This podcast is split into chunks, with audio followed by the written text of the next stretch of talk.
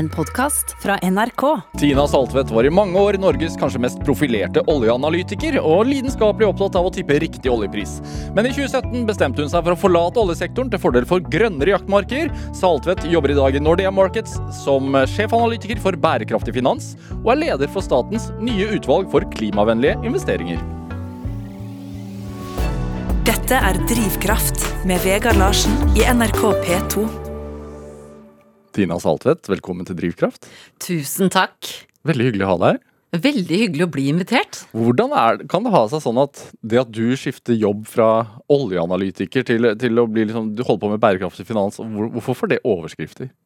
Jeg tror nok at for det første så var det Jeg var forholdsvis tidlig ute. Eh, nettopp med å starte det grønne skiftet. Ikke tidligst, men tidlig. Eh, for, og, og, så var det kanskje litt overraskende at man gikk For det er jo mye av den overgangen vi snakker mye om det norske samfunnet òg, at man går fra liksom det som er på den fossile siden, til den grønne siden. Eh, så jeg tror nok også det var et tegn i tiden, men det er jo klart altså, Sannsynligvis at det, at det, var en overraskelse at man kunne ta et såpass stort sprang. Ja. Tror jeg nok ja, skapte litt overskrifter. Ja, nå er faktisk fremtiden grønn. liksom Til og med Saltvedt skifter side. til og med en oljeanalytiker kan begynne. Ja, også, men, men det er jo For min del så var det jo egentlig valget om å gjøre det var jo rett og slett fordi at man begynte å se konsekvensene av ikke sant, det med å ha brukt mye olje, eh, fossile energikilder, disse klimaendringene som begynte å komme. Og det begynte å bli ganske skremmende. Mange blir jo skremt av det, og det gjorde jeg også. Uh, og så um, tenkte jeg at uh, Og så så jeg også at det var mye som vokste frem i de grønne markedene. Eh, fordi at vi så jo at selv om ikke sol og vind, og det er jo fremdeles forholdsvis lite, så ser vi at det begynte å spire. Altså veksten begynte å øke. Begynte å få litt større plass eh, i energimarkedet. Og potensialet, ikke minst for hva det kunne bli fremover. Så jeg var litt nysgjerrig på det også. For det er jo spennende å være med på nye, de nye tingene som skjer, og, og, hvordan man på en måte kan lære seg mer om det. Så eh, da tenkte jeg at ok, for det første så syns jeg at dette med klimaendringer er er utfordrende. Jeg syns det er vanskelig å liksom skulle jobbe eh, med den. Altså, jeg vil i hvert fall bidra til noe som kan eh, bote på, på, på en måte det fossile energikilder har bidratt til å lage, og det er jo de store klimaendringene. Mm.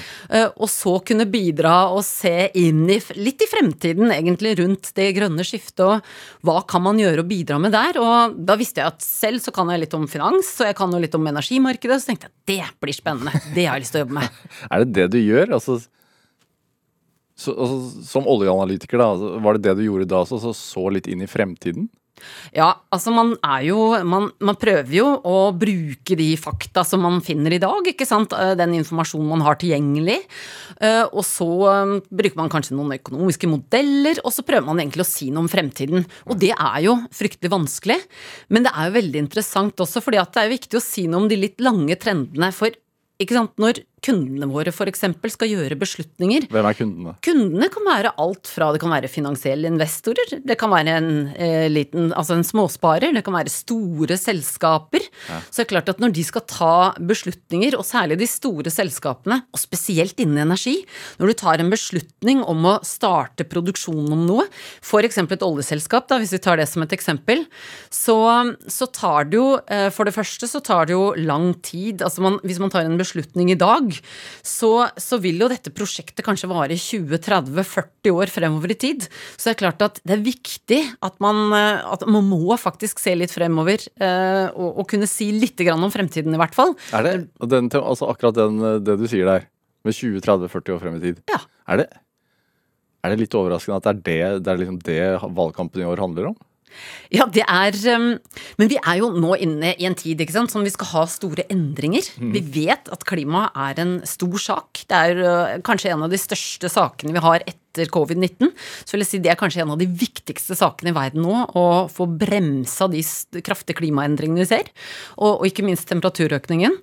Eh, og så er det jo selvfølgelig for Norge, som da er en olje- og gassproduserende nasjon. Vi har store inntekter fra en viktig næring her i Norge. Hvordan kan vi endre på det? Hvordan kan vi finne nye byggesteiner som vi kan bygge landet på? Og inntektskilder, ikke minst. Det skjer ikke over natta, men det vil skje over, over mange år. Men vi er nødt til å begynne begynne nå. Og derfor er vi nødt til å ha på oss de lange brillene, se langt frem i tid. Eh, for rett og slett å se, kunne si litt om, om hvordan dette kan gå. Hvordan gjør man det? Altså, hvordan gjorde du det som oljeanalytiker? da? Hvordan, kan du liksom beskrive hverdagen? Ja, For det første så starta jeg hver eh, morgen med å lese en masse aviser. fordi at eh, særlig i oljemarkedet så er det mye politiske hendelser. Som for eksempel, altså, hva, hva, kan, hva kan påvirke? Eh, en ting som styrer mye av oljemarkedet, det er dette OPEC-samarbeidet. Det er mange av landene i Midtøsten. Eh, og så har du eh, blant annet eh, noen land i Afrika og i, i Sør-Amerika. Altså store oljenasjoner, rett og slett? Store oljeproduserende og eksporterende nasjoner. De jobber sammen om å på en måte påvirke markedet. Og grunnen til at de gjør det, og det de gjør, det er jo rett og slett å skru av og på produksjonen. Altså mengde olje opp og ned? Ikke sant? At de bestemmer de bidrar sammen, så bestemmer de kanskje at nå skal vi kutte litt av oljeproduksjon. Og årsaken til å gjøre det, det er jo rett og slett at det ikke skal bli så mye olje at oljeprisen faller. Motsatt vei så vil de ikke ha for lite olje heller. Ja. Eh, og det er rett og slett for at oljeprisen blir for dyr. Ja, sånn som Biden og her om dagen sa sånn til OPEC-landene, kan dere ikke produsere mer? Det er et veldig godt eksempel. Ja. Og grunnen til at han sier det, det er jo rett og slett at USA og resten av verden er i dag helt avhengig av olje. Og det vi bruker aller mest olje til, det er transportsektoren. Så bilene vi kjører Nå i Norge er jo der et ledende Der er vi jo faktisk verdensledende på antall elektriske biler per eh, innbygger. Mm. Men resten av verden har ikke kommet så langt som oss. Så ennå så er verden ganske avhengig av olje, og det er stort sett transport. Fly, biler, busser, ikke sant, lastebiler som bruker det. Hva kjører du selv? Jeg kjører ikke. ikke? Er ikke det litt gøy? Nei, jeg kjører ikke. Jeg har, eh, jeg har, lappen. Jeg tror kanskje ikke jeg har kjørt bil på 20 år, og den eneste bilen jeg eier, det er russebilen min, og den, altså hele det understellet, falt ned dagen før russetiden begynte. Så jeg ga opp bilkarrieren min mer eller mindre da. Hvordan kommer du deg rundt? da? Taxi? Drosje? Eller trikk? Eh, trikk og buss, og så prøver jeg I fjor så kjøpte jeg meg sykkel, for da skulle man heller ikke bruke så mye offentlig kommunikasjon under eh, pandemien. Mm. Så det blir mye å gå, da. Ja. Gått veldig mye i år. Så du bidrar ikke til liksom, oljebruken med transporten din. Men, men altså, for å få svar på spørsmålet mitt, altså de svingningene. OPEC-landene er én ting, eh, og da eh, politiske hendelser. Altså krig kan være en ting? Krig kan være en ting. Det er, eh, det er, veldig sentralt, og spesielt hvis det er uro i Midtøsten. For der, det kan man jo kalle nesten um, Altså den, der er de fleste av de oljeproduserende landene ligger, eller i hvert fall de som står for mye av produksjonen i verden. Så det er helt sentralt at det er stabilt der for å kunne ha leveransene. Mm. Og så går det jo, ikke sant, mye av transporten går ut gjennom disse kanalene der også, gjennom uh, streden der. Og det er klart at hvis det skulle skje noe der, så ville det være helt uh, ha en veldig stor fatal virkning på verdensøkonomien, rett og slett. Men du, Kan du ta et eksempel på uh, når du har analysert deg frem til Altså, du har, du har truffet Én gang? Helt riktig, traff jeg én gang. Eh, og det var jeg altså, Hvor, det er jeg fremdeles stolt over. Unnskyld meg, hvorfor, henger det, hvorfor, henger det, så høyt? Jo, fordi at du skal jo si noe om fremtiden. Og så er det jo selvfølgelig konkurranse, da. Det er jo konkurranse mellom de ulike oljeanalytikerne. Ja. Eh, I de ulike bankene og finanshusene, og også selvfølgelig i oljeverden. Så det er jo en konkurranse der om å treffe best. Eh, og så um, er det jo selvfølgelig også tillit, altså tilliten man skal ha blant kunder og, og, og, det kan være kollegaer, ikke sant, om det man sier faktisk har noe hold. Hvorfor har bankene hver sin oljeanalytiker? Det har jo vært fordi at man ønsker å tilby en tjeneste til kundene. At man er ofte ute og snakker med kundene om hvordan det beveger seg. Og det er jo ikke bare de som jobber Det er viktig å påpeke at det er ikke bare de som jobber i oljeindustrien. Men olje påvirker jo veldig mye annet, ikke sant. Plastproduksjon, asfalt. Det merker man jo i de tider som oljeprisen er høy, så tenker man kanskje ikke på det, men da er det dyrere for, eh, for staten ikke sant, å skifte, eh, skifte, asfalt eller legge ny asfalt på veien. Så det året, den sommeren da oljeprisen nådde 150 dollar fatet, mm. da var det jo tøft for de kommunene som da måtte sant, legge ny asfalt før vintersesongen kom, f.eks. Eh, eh, båtene, altså fiskebåtene, måtte ligge til, eh, til kais fordi det rett og slett ble så dyrt å gå ut og fiske i lavsesongen for fisk at man foretrakk heller å På grunn av drivstoffprisene? På grunn av drivstoffprisene, for det utgjør så stor del av kostnadene, de samla kostnadene de har, at når den blei så høy, så, så blei det dyrt. Ja. Men, men altså, sånn, ta meg tilbake. Du, du, kan starte, du starter dagen da med å lese Ja. aviser. Ja, Og lese ser, aviser. har det skjedd noe i natt? Ja, og da er det mye i det politiske, og så er det jo selvfølgelig sånn på veldig kort sikt, fordi at som oljeanalytiker så kan du si noe om oljeprisen den neste dagen, altså hva skjer i løpet av denne dagen. Nå har det vært OPEC-møte, er OPEC er i gang å snakke om hvordan de skal beholde produksjonen det neste året. Jeg så ifølge Guardian så hadde Hva var det Næringsministeren eller, eh, i Irak sagt at eh, til, oppfordret de andre OPEC-landene til å gå mer fornybar, f.eks. Hvordan ville altså Hvis du hadde vært oljeanalytiker i dag og lest det, hvordan ville det Hadde du tenkt at det ville påvirke?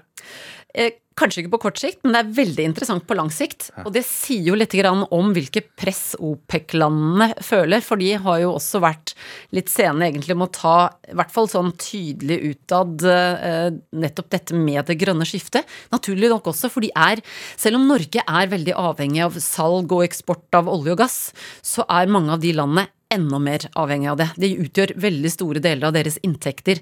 Så det er klart å omstille seg til andre energikilder, og ikke minst eh, produkter som de selger, så er det klart at det krever veldig mye, og det er et langsiktig eh, strategisk arbeid som de må. Eh, og så er det jo selvfølgelig. De merker også det samme som vi merker her i Norge, at hvis vi skal lykkes lykkes å nå Parisavtalen, så vil jo det endre veldig mye på hvordan vi skal eh, drive AS Norge, ikke sant. Eh, Og de føler jo veldig mye på det, de også. Hvordan kan de omstille seg? Hvilke fortrinn har de i en verden som når Parisavtalen? Så det er viktig å tenke på. Og hvilke bedrifter trenger man? Hvilke vil man ha mindre behov for? Eh, Hvilke arbeidskraft og hvilke kapasiteter trenger man da? Så de spørsmålene der, de er vi langt, eh, langt fra alene om å tenke. Eh, Så, så det er jo veldig viktig. Så det er, et- det er et veldig interessant tegn det du sa nå, fordi at vi har ikke sett så mye bevegelse for veldig mange av de landene ennå. Nei, men de har begynt å snakke om det. De har begynt å snakke om det. Det er nok også litt politisk, fordi at man føler jo presset. Eh, eh, man føler jo presset fra andre nasjoner om at man må bidra. Og vi vet jo det at fossil bruk av fossile energikilder er en veldig viktig årsak til at vi har havnet i de utfordringene vi har klimamessig. Ikke bare det, selvfølgelig, men energi er en viktig bidrag til det. Så, så de føler nok også presset på å ta sin del og se den sammenhengen eh, internasjonalt. Men altså, tilbake til dagen din. da. Når du leverer, hva skal man si, dagens prisanalyse. Dagens prisanalyse.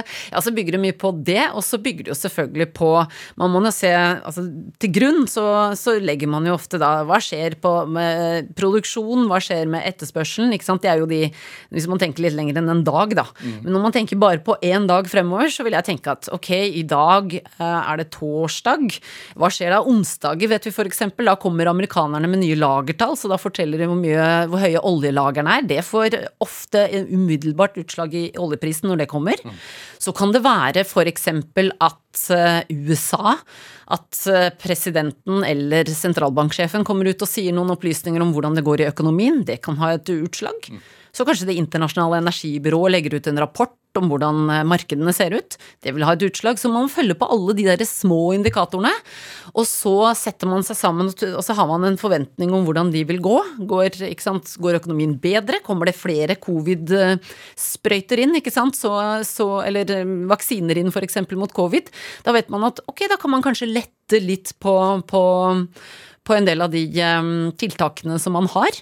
Og det betyr kanskje mer eh, fart i økonomien, som igjen betyr økt bruk av energi. Det er, men til syvende og sist da stikker du liksom fingeren i været, og så Ja, du er opp to poeng, liksom. Ja, altså det, det er jo grunnen så ligger jo de Altså helt de fakta man har, de dataene man faktisk har. De går jo ikke fremover i tid, de går jo bakover i tid, selvfølgelig. Og så er det jo litt Så har man jo erfaring etter hvert fra markedene om hvordan de ofte beveger seg og reagerer på ulike hendelser. Det vet vi jo lite grann om. Eh, Og så er det jo også selvfølgelig en del subjektive meninger om det. Så har vi jo selvfølgelig økonomisk teori, det, det har vi jo til bunns her for å lage tilbud og etterspørselsanslag. Og så legger man også subjektive vurderinger. Hvor gøy er det? Kjempespennende. Det er helt superspennende. Hvorfor det? Jo, fordi at det, det, er, altså det er så viktig for verden. Tilgangen på energi er så viktig for verden. Eh, og så er det også det der at det er ikke bare økonomi, men det er økonomi, det er politikk, det er historie. Så den kombinasjonen av å se det sammen, det gjør at det er veldig viktig, ikke sant? Olje også, da spesielt, har jo brukt som et sånn maktpolitisk våpen. Du vet at de sitter der Ikke sant. Eh, Man vet jo at eh, oljekrisa i 73, da bestemte jo OPEC-landene, eller landene i Midtøsten, de sa at ok, nå eksporterer vi ikke olje til eh, de og de landene. Eh, og så ble det jo mangel på bensin, blant annet. Vi husker jo alle det bildet, eh, ikke det at man opplevde men husker jo bildet av at kongen satt på tok trikken. Eller T-banen. Eh, så det er jo også dette spillet, ikke sant. Man lærer jo mye når man holder på, og så er det ekstremt viktig. Er det Jeg har lest at uh, en periode i hvert fall kunne jobbe så mye som sånn 14 timer per dag. Ja, jeg jobba veldig mye en periode, og det var også først fordi at når jeg begynte som oljeanalytiker, så kunne jeg jo overhodet ingenting om det markedet. Så det var litt sånn tilfeldig at jeg begynte med det. Eh, og det jeg har jo Når var det? Det var eh, Ja, det er jo i hvert fall eh, Når var det? 19 Nei, hva er det jeg sier 2008? 2007, tror jeg det var. Ja. 2006-2007 begynte jeg med det. Da, hvor kom du fra da? for da hadde jeg Først hadde jeg jobba et par år i, i Norges Bank. Jeg har, eh, har en eh, doktorgrad i valutasikringsstrategier, og så jobba jeg et par år i Norges Bank i, i finansiell stabilitet og analyse. Og så jobba jeg et par år i Nordea med eh, operasjonell risiko. Det går mye på sånn risiko som Altså når jeg sitter inne i, i meglerhuset der på um, F.eks. hva er risikoen for at man kan oppgi feil priser? Altså Noen ganger så har man det travelt når man skal altså, skrive inn en pris, f.eks. når man legger et bud, meglerne legger et bud. Eh, hva, hva, hvis man glemmer eh, pluss- eller minustegnet foran, ikke sant, så kan det gi ganske store utslag. Eh, det skulle vært pluss, og man skrev minus. Altså masse, masse type hendelser som kan skje, som man jobbet med hvordan man kan redusere risikoen med de opera, operasjonelle virksomheten, egentlig. Skjønte ingenting av det, men uh, jo, ikke, altså sånn når man sitter Dette må vi prøve å få med her. Fordi at ikke sånn når man jobber i et meglerhus, så, så er det jo mange ting som gjør at Altså, ting skjer fort. Uh, når man sant, har et, et, bud, man kan si at man kjøper la oss si, kjøper 300 aksjer i et selskap, eller man selger 300 aksjer, mm. og så sier du 'yes, det vil jeg ha', og så må du da skrive, så må jeg da, hvis du sier 'ja, jeg skal ha 300 av den aksjen', mm. kjøper, så må jeg sitte og skrive inn det, logge inn det. Kjøper 300 aksjer. Men da er det veldig kjedelig hvis jeg skriver 'selger 300 aksjer', f.eks. Så jeg setter feil fortegn, pluss eller minus. Ja. Og det kan jo ha ganske mye å si når du skal regne opp sluttoppgjøret på slutten av dagen. Ja, men Hva var din jobb der? Min jobb er egentlig da å lage rutiner, bidra til å lage rutiner og kontrollrutiner på at disse tingene ikke skjer. Oh, ja. Og det er viktig for kundene, ikke sant, at man faktisk får de bestillingene man skal ha. Og sikkerhetsrutiner, at ikke informasjon lekker feil, ikke sant. Det er veldig viktig. At, ikke, at man ikke informasjon om et selskap lekker ut, eller den type ting. Så min oppgave var å bidra til å få sikre vegger rundt dette, sikre prosedyrer, sånn at du vet hva du skal gjøre. Slipper å skrive pluss og minus feil, f.eks. uh, Ja, og da havnet du i oljebransjen ved en tilfeldighet. Nei, ja, og så, jeg, så da havna jeg på et julebord, faktisk. Oh, ja. Så ble jeg sittende siden han som var sjeføkonom da, og det var Steinar Juel. Mm, I Nordea. Eh, I Nordea. Så vi havna på julebord sammen. Så spurte han det, savner du ikke det der litt, og i og med at jeg har eh, både en doktorgrad og, og jobba med analyser i, i, i Norges Bank, så savner du ikke det litt? Og da sa jeg jo jo, det gjør jeg jo. Eh, og så gikk det en måneds tid, og så var det hun som da hadde den jobben før meg. Hun slutta, og mm. da kom Steinar Juel bort og spurte om jeg ikke ville søke på den jobben. Og den fikk jeg. Hvordan var første dag på jobben? da? Det var jo Altså, det er jo litt sånn ok, hvor begynner man hen? For dette jeg, Altså, makroøkonomi har jeg jobbet med, og jeg har jo økonomisk bakgrunn, utdannelse. Så den delen var grei. Men olje kunne jeg jo svært litt om. Og heldigvis da så hadde vi en eh, Så hadde en kollega som hadde jobba mye eh, med olje som het Bård Andersen, så han var veldig snill og hjalp meg. Han satte seg ned og, og hjalp meg å komme inn i dette, så vi jobba og lærte mye av han. Og så lærer man så av kunder, og så må man bare sette seg ned og lese. Og derfor ble det lange arbeidsdager. Men du Det liksom slår meg at du liker det, kanskje? Jeg syns det er kjempe... Altså, det er så spennende å jobbe med. Ja, jo, men det å sette deg ned og lese og sette deg inn i en ny ting. Ja. Det var jo litt sånn når jeg bytta jobb også til, til bærekraftig finans. Mm. Så starta jeg jo ganske på bar bakke der òg, men det er jo bare å sette seg ned. Er du nysgjerrig på noe, så er det jo bare å begynne å, å lete seg frem sant, på nett finner man jo veldig mye informasjon, så må man begynne å nøste opp. Begynne å sette seg ned og lese og lære seg disse tingene. Så det er jo sånn drag man har, da, for at man syns det er spennende. Men, men altså, jeg tenker sånn, i finansbransjen det er, det er, altså, Jeg har inntrykk av at det jobbes mange timer. Mer enn liksom sju og en halv om dagen. Er det ditt inntrykk også, eller? Ja, altså, men man prøver jo å stå på for kundene sine. Fordi det skjer mye, ikke sant. Det skjer mye man skal gjøre. Man prøver jo, har jo lyst til å levere gode resultater til kundene våre, ikke sant. Hvis de har Hvis de trenger informasjon om noe, hvis de spør om noe, så ønsker man jo å være tilgjengelig og, og, og hjelpe. Ja. Eh, så det er jo, Og så kommer de jo, de har jo mange interessante problemstillinger og spørsmål som man lærer mye av. Så det er jo den læreprosessen i det hele. Men tilgjengelig er det sånn at du, du kan få en telefon når som helst? På vegne av en kunde, stor kunde? Ja, altså ofte så De sender melding, men så er det jo ofte Jeg jobber jo også eksternt med mot media, f.eks. Mm. Og der skjer det jo Media vil jo gjerne ha en oppdatering eh, sånn. De vil jo som regel ikke sitte og vente til dagen etterpå. Så da prøver man jo å være tilgjengelig. Og det er også viktig. Jeg har hatt veldig godt samarbeid med media sånn sett, fordi at dere er veldig gode på å stille gode spørsmål. For det er jo ofte de samme spørsmålene som våre kunder ønsker å få svar på. Så når, eh, når, sant, når, dere spør de spørsmålene, så vet vi at det er det kundene våre også lurer på. Veldig mange av de. Ja. Så det, det, har jeg lært veldig mye av. Skal prøve å innfri her i dag, da. Men det, jeg, ja, det var litt tøffe bud her. Det var sånn DN, eller en eller annen avis for uh, noen år siden, så sto det sånn Tina Saltvedt bor på 39 kvadrat uh, i en leid leilighet. Og, og du kjøpte din første bolig som 45-åring. Stemmer. Er det, Var grunnen rett og slett at du aldri var hjemme? Nei, altså grunnen var ikke det. Den viktigste grunnen var jo rett og slett at jeg hadde et stort studielån. Jeg studerte jo mange år. Eh, og så skal man inn på dette boligmarkedet. Og jeg hadde jo ikke noe egenkapital, så du må jo faktisk jobbe litt noen år. Spare være litt disiplinert og spare for å få råd til å kjøpe deg en bolig. Og så var jo jeg litt, som jeg ser en del eh, i avisen også kommenterer, men sant, jeg, nå bor jo jeg eh, ganske nei, midt i, eh, ikke så veldig langt unna her på Marienlyst, altså på Adamstua. Og, og, hvis jeg skal bo nærme jobb i, i, sentrum, så er det dyrt. Så det betyr, jo at jeg måtte spare lenge. Men og du kjøpte den Tok ikke opp lån? Jo da, jeg tok lån òg. Men for å få lån, så må man jo også ha en egenkapital, ikke sant. Så det tar sin tid. Så man måtte betale ned studielånet, og så må man uh, spare opp en egen buffer før man Og så de siste årene kunne jeg Jeg kunne nok kommet litt tidligere ut i arbeidsmarkedet, men ikke, Nei, unnskyld, i, boligmarkedet, men, men, ikke så mye tidligere, fordi det uh, jeg, Altså, jeg kunne jo gjort som Altså, jeg kunne jo flytta lenger ut av Oslo og kjøpt noe som var litt mindre. Og da kunne jeg kommet inn tidligere. Men, men det tar litt tid, altså. Man kan ikke vente å få bolig sånn med en gang midt i Oslo når man er ferdig å studere. Man må, eh, må nok spare litt noen år. Og det er fra en uh, finansanalytiker? Det er fra en finansanalytiker. Dette er Drivkraft med Vegard Larsen i NRK P2. Og i dag er uh, sjefanalytiker for bærekraftig finans i Nordea, Tina Saltvedt, her hos meg i Drivkraft på NRK P2. Eh, altså, du du jobber jo i Nordea. Uh, er det viktig da, når du gir råd, at det gir avkastning for banken?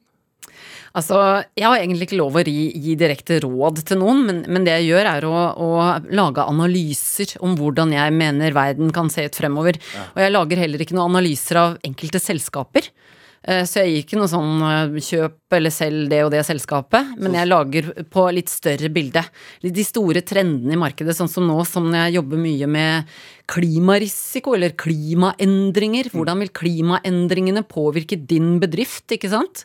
Og hvordan påvirker din bedrift klimaendringene? Det kan få følger for deg, og om du får lån i fremtiden f.eks. Så jeg lager analyser av de litt store endringene som skjer i samfunnet, og hvordan det påvirker økonomien. Er, er, kan det det? Altså påvirke, hvis, hvis, man har en bedrift som ikke er klimavennlig, kan det påvirke mulighetene for å få lån? det kan definitivt påvirke mulighetene for å få lån.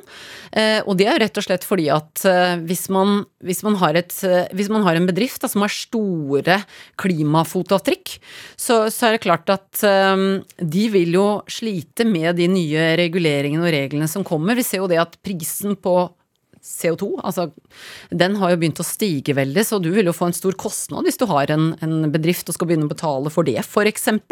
Eller så er det jo vanskelig, altså samfunnet i sin helhet har begynt å legge veldig mye vekt på klima, dette med bærekraft, at du tar vare på arbeiderne dine.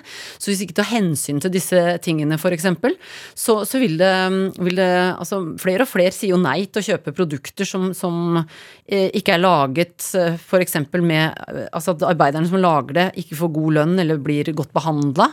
Eh, eller at man har et stort klimaavtrykk når man lager det. Se på plast, f.eks. Veldig godt eksempel. Husker jo når den hvalen som fløyter an på, på, Vestlandet, man så at den hadde masse plast i magen. Hvilken mobilisering det skapte blant nordmenn til å bruke mindre plast. Så etter hvert som vi nå begynner å få mer og mer forståelse for hvordan spesielt da klima- og miljøødeleggelser kan påvirke, og vi, vårt forbruk Vårt forbruk her i Norge ikke sant, det er ganske stort. Vi har god råd, vi bruker, forbruker mye. Bruker og kaster, kjøper og kaster ting. Ehm, det kan påvirke naturen, og det ser vi jo de negative effektene av det. Det begynner vi å se. og det tror jeg begynner å gå innover oss, og da begynner vi å stille mer kritiske spørsmål. Eh, nå, blant annet sist, er jo en av de tingene sant, at nå kan man ikke bruke mer eh, f.eks. sånne små engangsplast forbudet mot det. Uh, elbiler er et annet godt eksempel. Hvordan kan vi redusere forbruket, utslippene våre av CO2 f.eks. Så vi begynner å bli mer bevisste på de negative sidene med hvordan vi lever. Og da begynner vi også å stille mer kritiske spørsmål til bedrifter. Uh, til de tingene vi kjøper, f.eks. Og, og derfor så blir jo også at hvis du begynner å stille negative spørsmål til de Eh, tingene du handler i butikken, jo da blir det jo færre som kjøper det, og, og da vil jo du få problemer med å levere i fremtiden. Har du selv blitt mer bevisst? Jeg har blitt mye mer bevisst eh, på det, og jeg kan bli mye mer enn det jeg er i dag også. Men jeg prøver eh, Jeg prøver jo å tenke mer igjennom de tingene man gjør prøve å få et mindre avtrykk, og så begynner jeg å prøve å stille mer spørsmål. Begynner å uh, jeg, altså, For det første prøver jeg å eksempel klær, da. Jeg er veldig glad i klær, må jeg innrømme. Det er en veldig stor uh, Det er kanskje en av de største utfordringene jeg har. Fargerike klær. Fargerike klær. Ja. Jeg liker uh, Må si jeg har en sånn svakhet for det, men da Så jeg har begynt med nå liksom å, å prøve å gjen... Altså prøve å kjøpe mer brukte klær. Um, for eksempel på Små ting. Små ting, ja. Så kan du begynne å sjekke merkelappen når du kjøper klær. Uh, hva er de laget av? Er de laget av mye Altså, hvilke materialer består de av? De materialene, er det noe som lett kan gjenbrukes, eller er det laget på en god måte, f.eks.? Men er det mer utfordrende å være analytiker innenfor bærekraft enn olje? Altså sånn det å spå? Uh, jeg tror nok at uh, oljemarkedet var jo mer etablert når jeg jobbet med det, så det var jo mer kjent.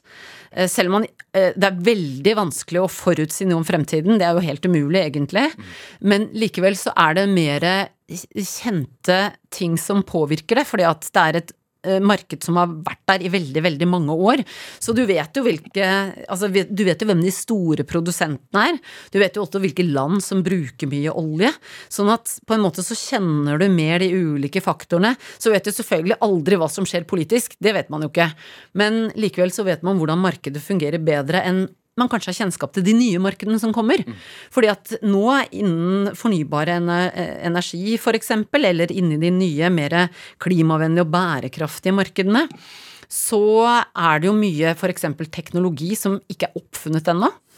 Uh, og det spennende er jo hvilke av de ny, uh, nyvinningene som kommer nå, hvilke av de vil faktisk overleve? Hvilke av de trenger vi for å nå Parisavtalen og bærekraftsmålene? Så det skjer jo enormt mye spennende der. Så det her er jo bare å følge med og prøve å sette seg inn i og, og forstå litt de store trendene som er der. Ja. Er det, hva er forskjellen på bærekraftig og klimavennlig? Bærekraft, da tar man også hensyn til sosiale aspekter. Eh, for klima, da ser man jo mer eller mindre bare på klima. Og så i tillegg til klima etter hvert, så blir vi mer og mer fokusert på naturødeleggelser. For det vi har sett, og det er veldig viktig, og det er bra du spør om, fordi at um, klima Det vi har sett, er jo at klimaendringene er kanskje det som har påvirket oss mest og først. Eh, og størst, vil jeg si. At f.eks. For forsikringsselskapene har jo begynt å se veldig de der enorme utbetalingene som kommer etter eh, hendelser. Altså det kan være Nå ser vi jo USA denne En ny enorm eh, storm og, og, og ja. Ikke sant? Og man vet jo at de, eh, altså de Tørke, kommer, selvfølgelig. Tørke, skogbrann, de enorme brannene som har vært. Mm. At kostnadene forbundet med det, de øker jo kraftig, og de har økt kraftig de senere årene. Men så ser man jo også at det begynner å påvirke andre deler av samfunnet. Så klima er kanskje den vi har vært mest oppmerksom på, og, og derfor også hatt kanskje de største økonomiske og samfunnsmessige eh, ødeleggelsene så langt. Som vi kanskje har merket først, da, i hvert fall. Men så eh, begynner vi også å se på andre faktorer. ikke sant? En ting som vi har hatt mye oppe her i Norge, det er jo nettopp eh, dette med at man ser at det er um, uh, interesser som går mot hverandre. For man prøver å gjøre ting, for, og da tar jeg som eksempel her vindkraft på, på land.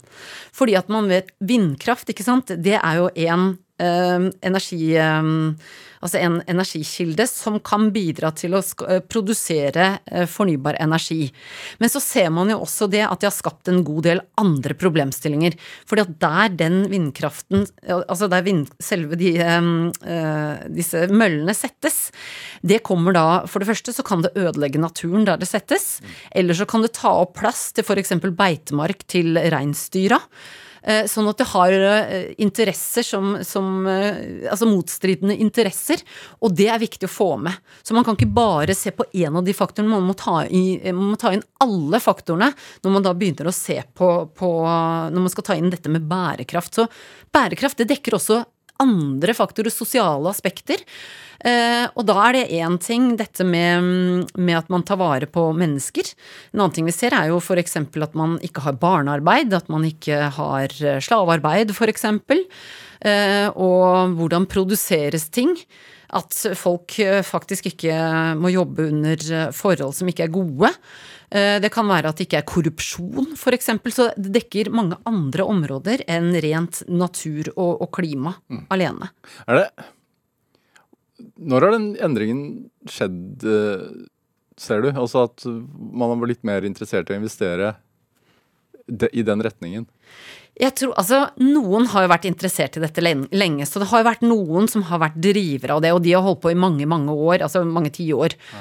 Men den mer samla interessen Altså først, jeg tror Parisavt Parisavtalen og, og dette som skjedde rundt Paris, det har jo vært en stor vekker, og spesielt for oss i finans.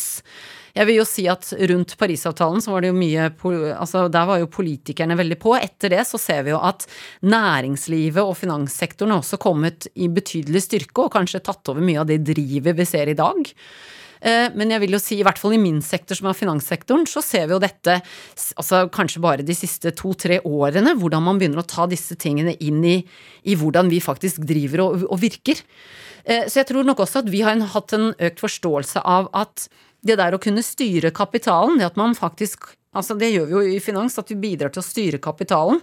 Og, eh, altså hvilken, hvilke bedrifter som får tilgang på penger til nye prosjekter, ikke sant. Hvis du har et prosjekt du skal sette i gang, så ser vi jo det at um, tidligere så spurte vi oss spørsmål om om du kan Altså har du en god økonomi, kan du betale tilbake det lånet jeg gir deg, f.eks. Mm. Uh, altså at du hadde en uh, god kredittverdighet. Det, det, samme spørsmålet har jo hvis du skal kjøpe deg en leilighet, f.eks., eller et hus. Samme spørsmålene. Og hvilket marked du opererer i, hvordan konkurransesituasjonen ser du at du kan klares der. Men så ser vi jo det etter hvert at det, altså klimaendringene og, og dette med bærekraft og de sosiale forholdene begynner å få en det, det, kan påvirke faktisk hvordan dine inntekter blir fremover, og din, eh, din mulighet til, å betale tilbake lånene. Ja. Eller å tiltrekke deg investorer som kan påvirke faktisk de finansielle forholdene dine. Så, så de spørsmålene begynner vi å ta inn. Ja, så Når regjeringen f.eks. sier at de vil endre oljeskatten, så har det ganske mye å si? Det har mye å si. Eh, det har mye å si. Det er klart, eh, det går på mer eh, kanskje de strukturelle finansielle forholdene, altså sånn skatt i sin helhet. Skatt er jo ofte et, et altså det er et hjelpemiddel for å nå de målene man har. Så hvis regjeringen setter seg ett mål, så bruker man jo gjerne skatt til å kunne nå det målet. Så det er et, på en måte et virkemiddel de kan bruke, da. Ja, det har vært ganske lukrative skatteordninger for oljebransjen. Du kan si at eh, Ja, altså, de har jo hatt eksempel eh, en av de endringsforslagene som kom med det som kom ut denne uken, eh, det har jo vært på mm, Blant annet så har man jo ønsket Og det, altså akkurat den eh, skatten, eh, den har jo virket sånn som eh, egentlig hatt den funksjonen den skulle ha. Så den har jo virket Altså fordi den gjorde, det var jo rett og slett at eh, man ønsket mer konkurranse på norsk sokkel. Fordi man ønsket å stimulere til å få eh, økt eh, produksjon her. Eh, Og det den eh, faktisk gjorde, det var at man hadde jo ett eller to store oljeselskaper her på norsk sokkel, og så ønsket man flere mindre og mellomstore selskaper inn. Og grunnen til at man ønsker mer konkurranse, det er jo rett og slett at man skal bli mer effektiv, altså at man skal kontrollere kostnadene, eh, og også det at man har mer teknologiutvikling. Så for å få det til, så ønsket man flere selskaper inn. Og da eh, da gjorde, satte man inn denne, eh, altså denne endringen som, som gjorde rett og slett at fordi at det som er i oljemarkedet, det er ofte at når man leter etter olje, og, og kanskje man finner olje, så tar det gjerne 10 år, 10-15 år før Altså fra man leter til oljen faktisk begynner å produseres og selges. Så det vil jo si at som et, olje, et lite oljeselskap, hvis du skal betale kostnadene for å lete etter olje, men så får du ikke den inntektene fra å selge den oljen før om 10-15 år, så kan det bli veldig tøft. For du har ikke noe cash å lene deg på, for du skal jo faktisk betale litt for, for den letinga også. Så det de sa da, var jo at uh, du kan lete i dag, og så kan staten ellers si at vi kan betale tilbake en del av, refundere en del av de eh, olje- eller letekostnadene i dag. Mm. Men så vil vi da ta, ta høyere skattepenger av deg når du begynner å tjene penger. Rett og slett for at du skulle få økt konkurranse. Og det er en av de eh, endringene som har vært. Den har fungert veldig godt til det.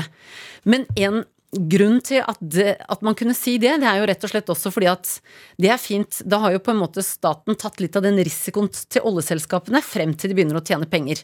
Og det er greit så lenge du vet at det kommer til å komme en, en, um, en inntjening i andre enden om 10-15 år. Og det har man vært forholdsvis sikker på fordi at har, altså behovet for olje i verden det har bare økt og økt og økt og økt. Helt fram til nå. Helt frem til nå. Nå endrer det seg, nå skal det kraftig ned. Og da er det jo klart at det er jo ikke sikkert at det står noen og skal kjøpe norsk olje der 10-15 år fremover i tid. Og da tenker staten dårlig investering. Da tenker de at det kan være Det er ikke sikkert at vi får tilbake de pengene. Som det var mye større sikkerhet før. Så derfor så endrer man da på den type, type ja. Så at selskapene selv tar mer av risikoen. Det er bare en liten del av den endringen. Eh, Tina Saltvedt, vi skal spille litt musikk.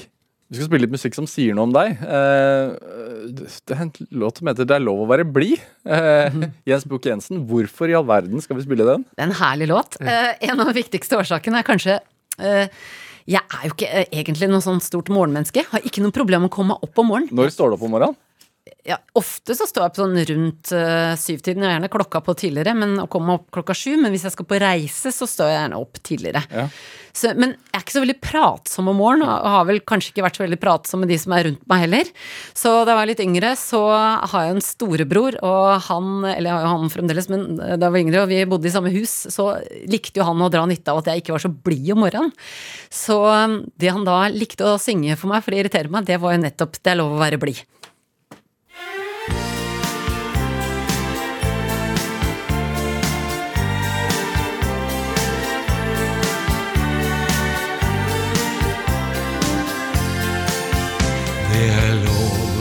Være blid. Du kan si det du vil si, og fortelle fritt om alt. Det du føler falskt og galt. Du kan reise rundt og si det er lov å være blid.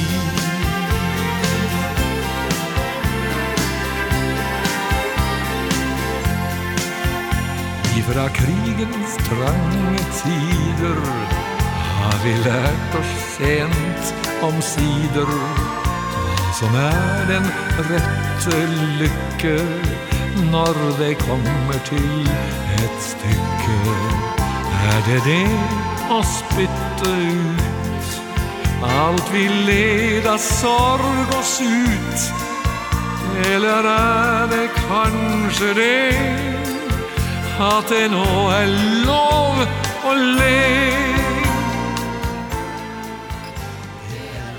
Ja, Det er lov å være blid av eh, Jens Bukk Jensen her i Drivkraft på NRK P2, valgt av eh, dagens gjest, nemlig Tina Saltvedt. Altså, Storebroren din, Jan Petter Saltvedt, som jobber i NRK, eh, i sporten her, eh, det er han som er, ah, har spredt guffe på morgenen med å synge for deg. Ja, det er han som likte å synge den. Um, han har jo en vakker sangstemme, så det klang godt. Du, du har vokst opp på Nøtterøy. Ja, det stemmer. Eh, Hva slags sted er det? Nøtterøy er jo kanskje mest kjent for å være en veldig fin eh, sommerøy for veldig mange. Det er veldig fint eh, langs Vestfoldkysten om sommeren. Om, om vinteren? Vinteren er det mer stille, det er jo lov å si. Eh, Det er jo ikke noe typisk egentlig noe vinterområde, verken Tønsberg som by eller Nøtterøy som sted. Så det er jo definitivt sommeren som er eh, veldig, veldig vakkert med skjærgård og båtliv og badeliv og liv.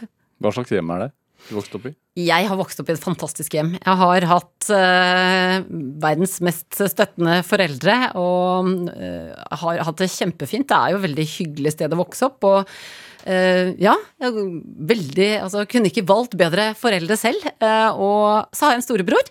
eh, Som eh, er Han har jo alltid vært for- forbildet mitt, også når vi har krangla, for det gjør man jo med storebrødre imellom. Men vi har hatt veldig godt forhold. Det vil si jo enda, enda bedre nå når vi er eldre, voksne. Jeg tror nok egentlig at broren min kunne tenkt seg en lillebror som han kunne spille fotball med, ikke en lille søster. Ja, for du, du ville bli ballettdanser, ikke Jeg ville bli ballettdanser, og det syns ikke Broderen var ikke så begeistra for ballett som for fotball, men eh, etter hvert så blei det mye morsommere med en eh, søster. Den ballettdrømmen, hvor reell var den? Nei, altså jeg dansa ballett i 14 år, eh, og det var kjempegøy. Altså det er virkelig sånn passionate eh, rundt dette med ballett. For det er jo, ikke sant, for det første så er jo Altså man lærer jo mye kroppsbeherskelse, men også det der å kunne stå på en scene og det er en kommunikasjonsform, rett og slett. Så jeg, jeg syns at det var helt fantastisk. Og så var det et veldig godt miljø, så jeg har jo veldig mange av mine gode, nærmeste venner er jo fra det miljøet ennå. Ja. Er det noen egenskaper du har tatt med deg fra, fra ballett? Ja, man kan kanskje, Det er kanskje vanskelig å se overgangen der, men det jeg har lært mye av av ballett ikke sant? Nå er jeg mye rundt og holder foredrag. Og vi lærte veldig mye om dette med å stå på en scene og få eh, ikke sant, Å holde oppmerksomheten til de som sitter i eh, en sal, f.eks. publikum. Hvordan kommuniserer man med de som sitter der? Og litt, ikke sant, at man eh, Bevegelse, hvordan kan man bruke en scene? Ikke at man, man må ikke stå og se ned på bena sine, man må liksom kommunisere. Altså man må øyekontakt med de som sitter i en sal for å holde, for å holde kommunikasjonen i gang. Eh, og også litt det faktisk med stemmebruk, for vi lærte litt om sånn pedagogikk og lære bort eh, også ballett. Så jeg må si at det har vært veldig nyttig når man da skal reise rundt og snakke om eh, finans. Ja. Danser du noe i dag, da? Dessverre så har det ikke vært så mye dansing i det siste. Jeg dansa mye. Altså, jeg gjorde jo også det, jeg bodde jo i Manchester i, i syv år og studerte, Studerte der. der. Og, og da fortsatte jeg å danse en, en periode, men så er jo det med at jeg er jo ganske høy, jeg er 1,74 høy, og vi skal jo ofte stå på rekker, og britene er jo ofte litt lavere enn oss her i, her i Skandinavia, så vi skulle jo stille oss opp på rekker, og det, det blei ganske komisk. Vi har to, to venninner fra Norge, og vi så jo ut som ja, noen eh, noen sjiraffer overalt, disse andre. Så vi fant ut etter hvert at eh, ja, det, det får bli med det, ha det moro med det, enn en, og så går jeg gjerne og ser på på operaen, og ser på ballett der. Hvorfor Manchester? Det var også broren min som tipsa. Um, jeg hadde, eh, jeg hadde en kompis som var i Glasgow, jeg hadde en som var i Edinburgh. Så klarte jeg på en måte ikke velge, for de var litt sånn Her er kjempekult begge deler. London er alltid en kul by å dra til, men jeg tenkte der er jeg jo såpass ofte, og de kommer jeg alltid til å dra, så jeg har lyst til å se noe annet av Storbritannia enn det. Så da kom broderen og sa at eh, han en, kjente noen som hadde vært i Manchester, og det var innmari kult. Så tenkte jeg da søkte jeg der, jeg har et kjempebra universitet der, så jeg søkte der og kom inn, og da blei det syv år i Manchester. Hva gjorde du da? Jeg tok først en, en mastergrad i international business, og så tok jeg en doktorgrad i, eh, i um, valutasikringsstrategier. Hvor ambisiøs var du? Jeg var jo ambisiøs. Det, man blir jo det. Altså, for det er jo et eller annet Når du holder på med en doktorgrad, så vil du ha oppturer og nedturer. Og gjerne i starten så er det litt trått når du kommer i gang. For liksom å få definert helt hva skal du egentlig svare på, og finner man data, er dette interessant? Vil det bli godtatt i det hele tatt? Eh, Så før man liksom får det lille gjennombruddet som gjør at du faktisk kan skrive en doktoravhandling, så er det tøft, og da må du jo motivere deg selv. Og for min del så var det jo eh, en egen litt sånn driv at jeg ikke skal gi opp. Jeg har ikke lyst til å gi opp dette her, det skal jeg klare. Hvorfor var det, hvorfor, hva var det du ønsket å oppnå med det? da? Nei, det er jo også én ting, var jo en sjøl, at jeg skal klare å eh, Altså, jeg må takle den type perioder som det er eh, trådere, at jeg skal liksom ikke gi opp eh, lett, så må liksom pushe deg selv gjennom det. Og så var det jo også fordi at jeg hadde lyst til å klare teoretiske utfordring som ligger der, og knekke den nøtta. Eh, Og da må man jo gå noen runder før man faktisk gjør det.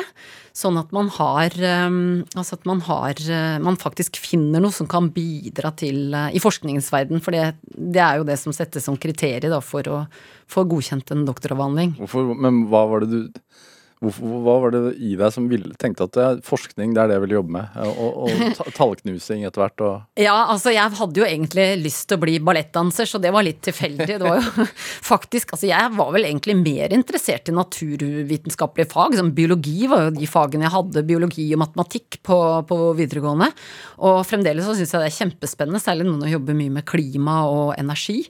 Eh, Men eh, da var det jo eh, fordi at Altså det, jeg skulle søke på noe som het Jorunn Kirkenærs balletthøgskole. Da måtte jeg vente et år, fordi opptak hvert tredje år. Så da jeg var ferdig med videregående, så måtte jeg vente et år. Og da sa broren min til meg at eh, begynn på BI, ta et år på BI i mellomtiden.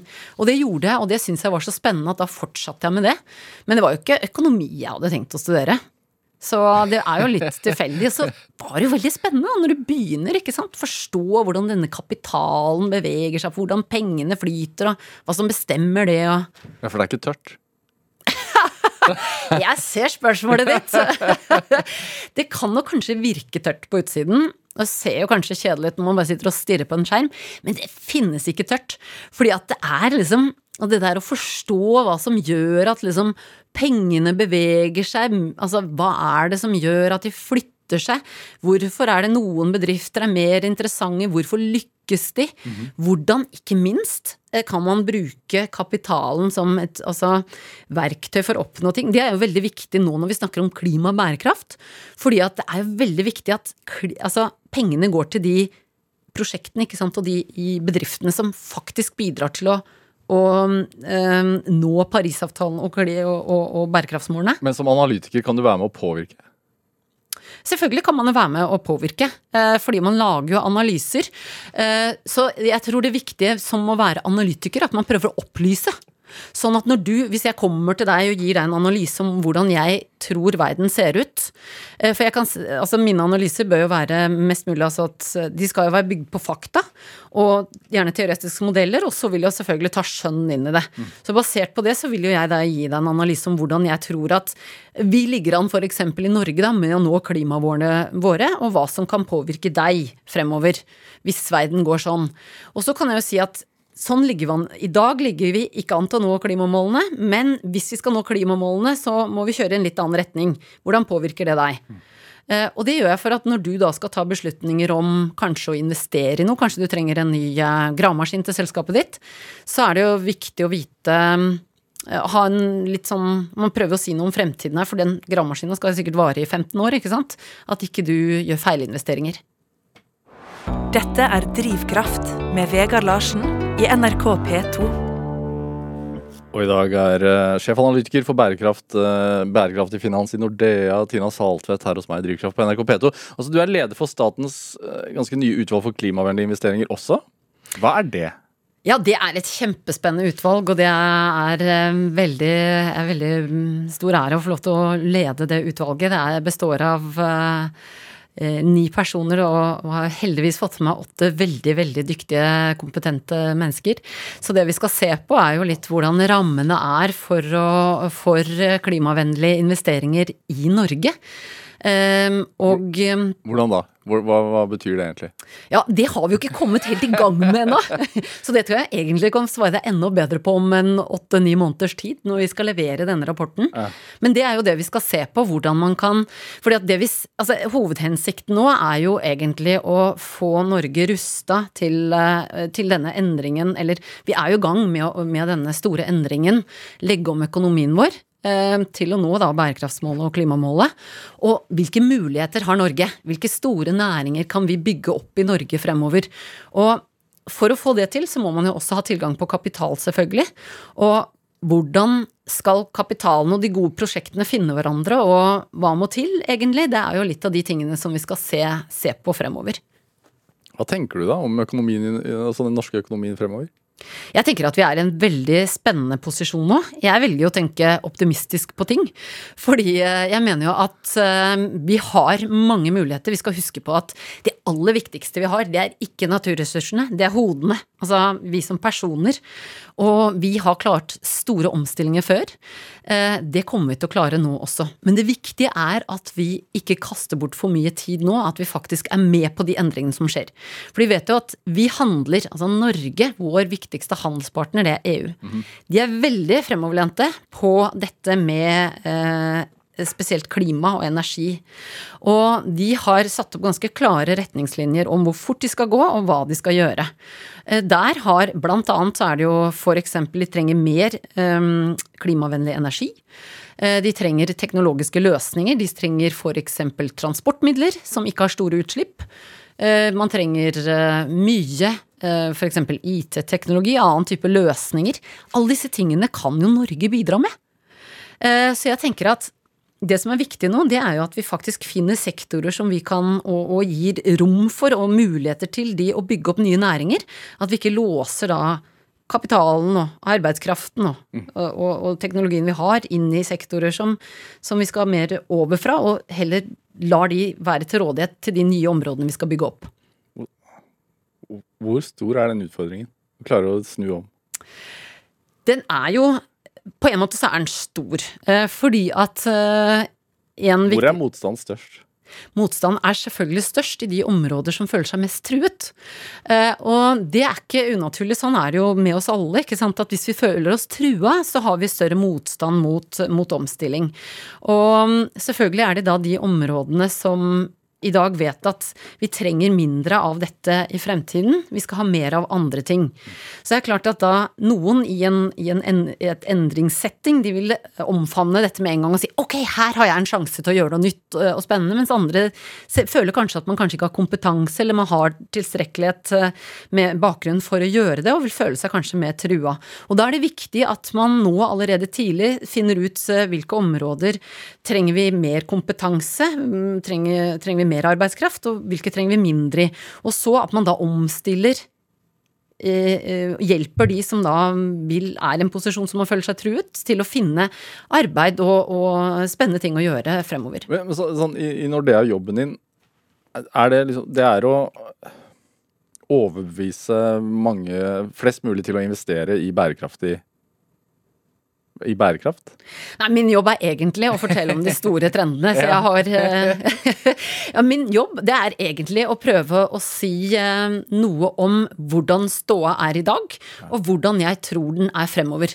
Og det som blir helt avgjørende for oss nå, det er jo hvordan, eh, hvordan vi legger om vår økonomi i retning av om vi tar hensyn til klimaendringene øh, som kommer. Ikke sant? Fordi at vi vet at klimaendringene kommer til å få stor effekt på samfunnet og hvordan vi lever. Det ser vi allerede. Eh, Og så er jo det da å si eh, noe om ikke sant? Man kan lage seg ulike scenarioer. Hvis vi fortsetter akkurat som vi gjør i dag de neste 30 årene, hva vil da skje? Da når vi ikke klimamålene. Ja, hvilke følger for det? Jo, da får de sånn og sånn og sånn følger for økonomien. Eh, og så er det da, eh, hvis vi da velger å snu om på økonomien, som vi innstiller oss på å nå klimamålene, hvilke følger for det i dag? Eh, og hvordan følger for det for bedriftene, oss som jobber, og oss som privatpersoner i dag? Du, du har sagt en gang at det var en britisk journalist som gjorde at du begynte å tenke litt sånn annerledes eh, om olje og grønn energi. Ja, Hva var det som skjedde? Det var eh, spennende, for jeg fikk en, eh, en telefon, det er jo sikkert en åtte år siden nå, Ja, og som, det var noen som ringte meg opp da jeg jobba som oljeanalytiker, og så spurte de hva tror du nå om fremveksten av um, dette med fornybar energi, og hva er fa faren for dette, de såkalte stranded assets? Og det de mener med det, er at man overinvesterer, altså investerer for mye i um, og da var det snakk om olje og gass.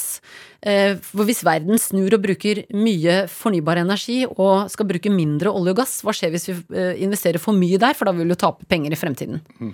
Og den eh, problemstillingen hadde jeg ikke hørt før da. Så jeg tenkte at Og så så jeg også på Det internasjonale energibyrået, og de hadde jo en veldig stor vekst i olje- og gassetterspørselen fremover, og omtrent ingen vekst de nærmeste 30 årene i fornybar energi på den tiden. Så jeg tenkte at det er det lite fare for. Eh, men så blei jeg nysgjerrig på hvorfor de spurte det spørsmålet. Og så begynte jeg å grave meg etter hvert mer og mer ned i det. Eh, og det gjorde jo etter hvert at eh, Det endte jo faktisk med at jeg skifta jobb. Ja. Nei, men fordi at de hadde jo helt rett i det at dette her, her er det altså emning, store endringer i energimarkedet. En store endringer altså, som kommer fra fossil til fornybar. Så det pirra faktisk min interesse så mye jo gjorde at jeg bare gravde meg ned i det og fortsatte å følge det. Er det liksom deilig for deg også at du er Så jeg merker at du er jo engasjert i klimasaken. Det merker jeg jo.